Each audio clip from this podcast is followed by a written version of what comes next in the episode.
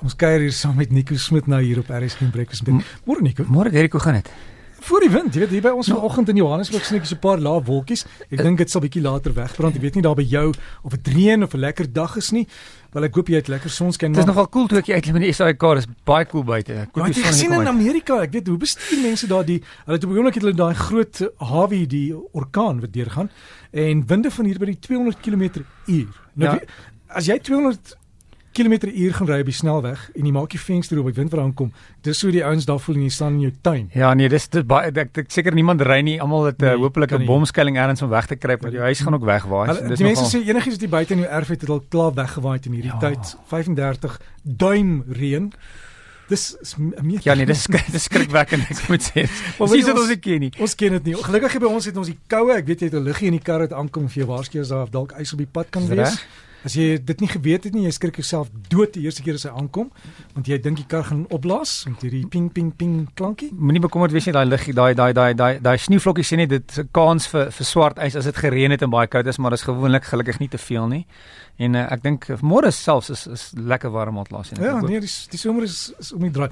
Maar jy praat vandag, jy het 'n boekie saamgebring mm -hmm. oor die inruilwaardes van motors en dan die herverkoopwaardes. Hoe word dit bepaal? So um, in Engels praat hulle gewoonlik um, en baie mense ken die Engelse terme trade and retail value. So wat dit ehm um, dis 'n ehm um, die boekie staan bekend as die Trans TransUnion Order Dealer Guide. Nou dis nie iets wat ek self kan koop byvoorbeeld nie. Dit is iets wat wat handelaars gebruik. So ehm um, handelaars ehm um, gebruik dit kom eintlik 'n uh, uh, ehm ehm 'n uh, rukkie terug. Daar was twee persone meet 'n uh, 'n McGrader wat wat wat dit begin het. So dis bekend as baie maal ook as die M&M boekie.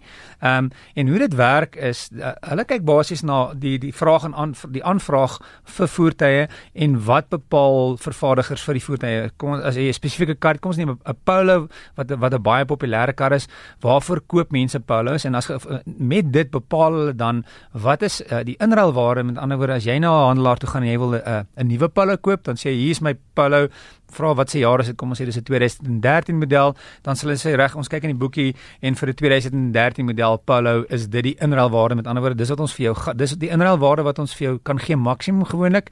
En as jy homself wil, wil verkoop is daar 'n herverkoopwaarde. Hm. nou um, ek het toevallig, toevallig nou oopgemaak by 'n Polo so kom ons sê um, 'n Polo Cross 2014 nuut was um, 1.2 was uh, 245000 vir die 2014 as ek hom nou inruil is die waar die die maksimum inruilwaarde 100 uh, 79000 en die herverkoop 202000.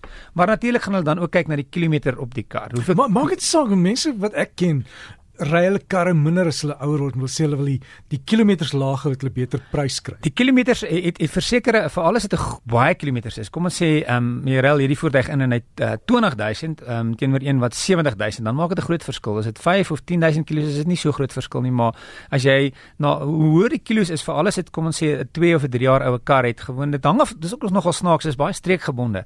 As jy in Gauteng as jy geneig om nogal meer te ry byvoorbeeld as in die Kaap. So hulle sal dan sê wat is ons werk ehm um, byvoorbeeld op 25000 km, kom ons sê dis nou in Gauteng as 'n gemiddeld per jaar. So as jy 'n gemiddeld kar het na 3 jaar, dan sê ons goed jy moet dan so 75000 km hê.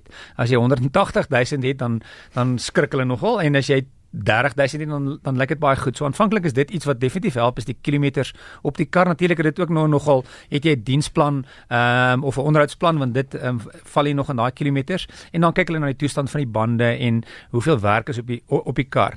So dit en en ek het nou weer met 'n vriend van my gepraat wat baie mee hiermee werk en dit wat baie interessant ook is dit dis baie te doen met vraag en aanbod. En hy sê vir my wat baie maal kan gebeur is ehm um, tans is daar byvoorbeeld nie daar's baie van daai voertuie in die mark jy kan die voertuig maklik kry So ehm um, hulle het byvoorbeeld 3 voertuie wat dieselfde is op die vloer. So dan is die die die aanbod die die vraag is nie baie hoog na die voertuig nie. So dan is hulle geneig om minder te betaal vir die voertuig. En dan sê 'n jaar later is daai selfde voertuig kry min van hulle. So hulle is dan bereid om meer te betaal vir die voertuig want hulle weet die voertuig gaan net 'n paar dae op die vloer wees en dan gaan die voertuig gaan hulle gaan hom maklik verkoop. So 'n groot gedeelte hiervan ook is hoe maklik kan die voertuig verkoop. En hierdie gewoonlik is net 'n aanduiding. So as jy graag wil weet wat jou waarde is, jou inruilwaarde, dan kan jy na enige handelaar toe gaan. Hulle sal gewoonlik vir jou sê wel, hulle praat baie maal van ook van die boekiewaarde. Dis die boekiewaarde met ander woorde wat hulle omgaan voor verkoop. En dan is dit ook natuurlike onderhandeling want hulle wil so min as moontlik vir jou betaal, jy wil soveel as moontlik hê. Dit hang af van die toestand van jou voertuig. Ehm um, en natuurlik is dit ook maar hoe meer jy betaal ehm um, vir die voertuig, ehm um, die die daar's gewoonlik 'n groot die waarde van die voertuig kan ongelooflik baie val. Ja, my het weer eens het hierdie 'n vriend van my 'n goeie voorbeeld gebruik. Hy het gesê hy het 'n Mustang gekry. Die vrou het 785 000 rand betaal. Ehm um, en ek dink dit was na 'n jaar en 'n half of 2 jaar kon hulle sê niemand wil die voertuig hê nie. Daar's nou aanvanklik wou almal Mustangs gehad het, maar daar was daar's baie beskikbaar en nou kan hulle net 350 000 rand is wat ehm um, wat 'n voordealer vir hulle sou betaal vir die voertuig. Ehm um, dan het hy 'n ander voorbeeld gegee van 'n Hilux.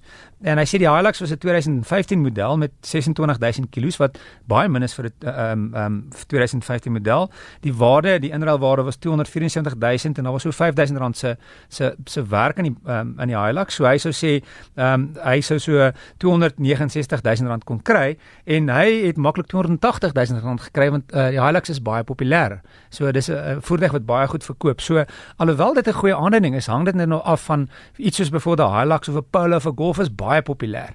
En dan is daar ander voertuie wat wat um, minder populêr is en dit het dan ook ongelukkige slegte invloed op jou waarde van die voertuig. En selfs met baie maal vir 'n vervaardiger, is sekere karre van die vervaardiger ruil baie goed en ander karre ruil baie sleg.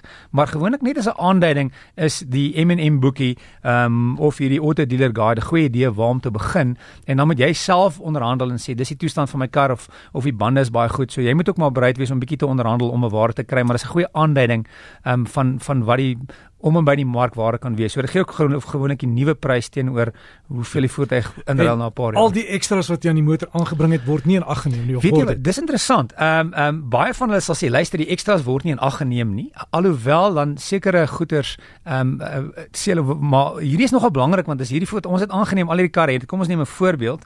As jy 'n Audi A4 koop, ehm um, 'n 2012 model ehm um, het het hulle nie seenligte gehad nie. Seenligte was 'n opsie. Ehm um, dit wat kom ons sê dis 'n 10000 rand opsie. Ehm um, maar as jou kar nie sien en ligte het nie, dan gaan hulle vir jou baie minder betaal, selfs 15000 rand minder want hulle sê maar al die karre het sien en ligte en dit lyk nie mooi sonder die sien en ligte nie. So ons soek die sien en ligte. So snaaks genoeg kan dit wees dat van die ehm um, opsies ehm um, hulle aanvanklik meeste van die voertuie het dit en as jou voertuig dit nie het nie, dan bepaal dit ook dis dit baie sleg vir jou inruilwaarde. So dis nogal 'n gekompliseerde ehm um, situasie en natuurlik jou opsie is ook om te sê ek wil die voertuig self verkoop. Dan word ek gaan na Auto Trader en ek sê die prys daar. En wat die mense op op Auto Trader baie maal doen is in plaas van die inruilwaarde sien jy die herverkoopwaarde. Met ander woorde, hulle probeer die maksimum uit die voertuig kry.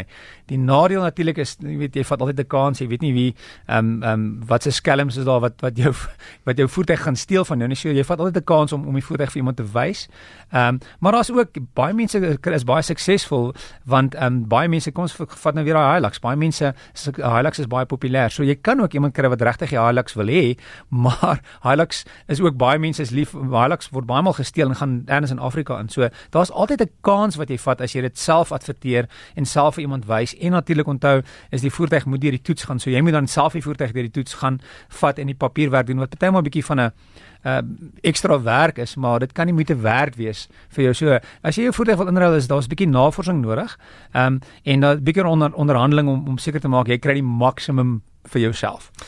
Dankie. En koop jy ooit 'n motor met in die agterkop hoeveel gaan ek hom voor kan verkoop? Altyd. Ek koop altyd vir my as ek 'n persoonlike kar koop, dan eh, dink ek altyd gaan iemand hom wil hê na 3 jaar. Ehm um, en dit het nog altyd vir my baie goed gewerk. Die voertuig wat ek gewoonlik ry is vir my makliker om om om weer te ruil want dit dit help my weer om my, om om as ek weer 'n voertuig wil koop om weer 'n nuwe een te koop of 'n of 'n nuwer een te koop.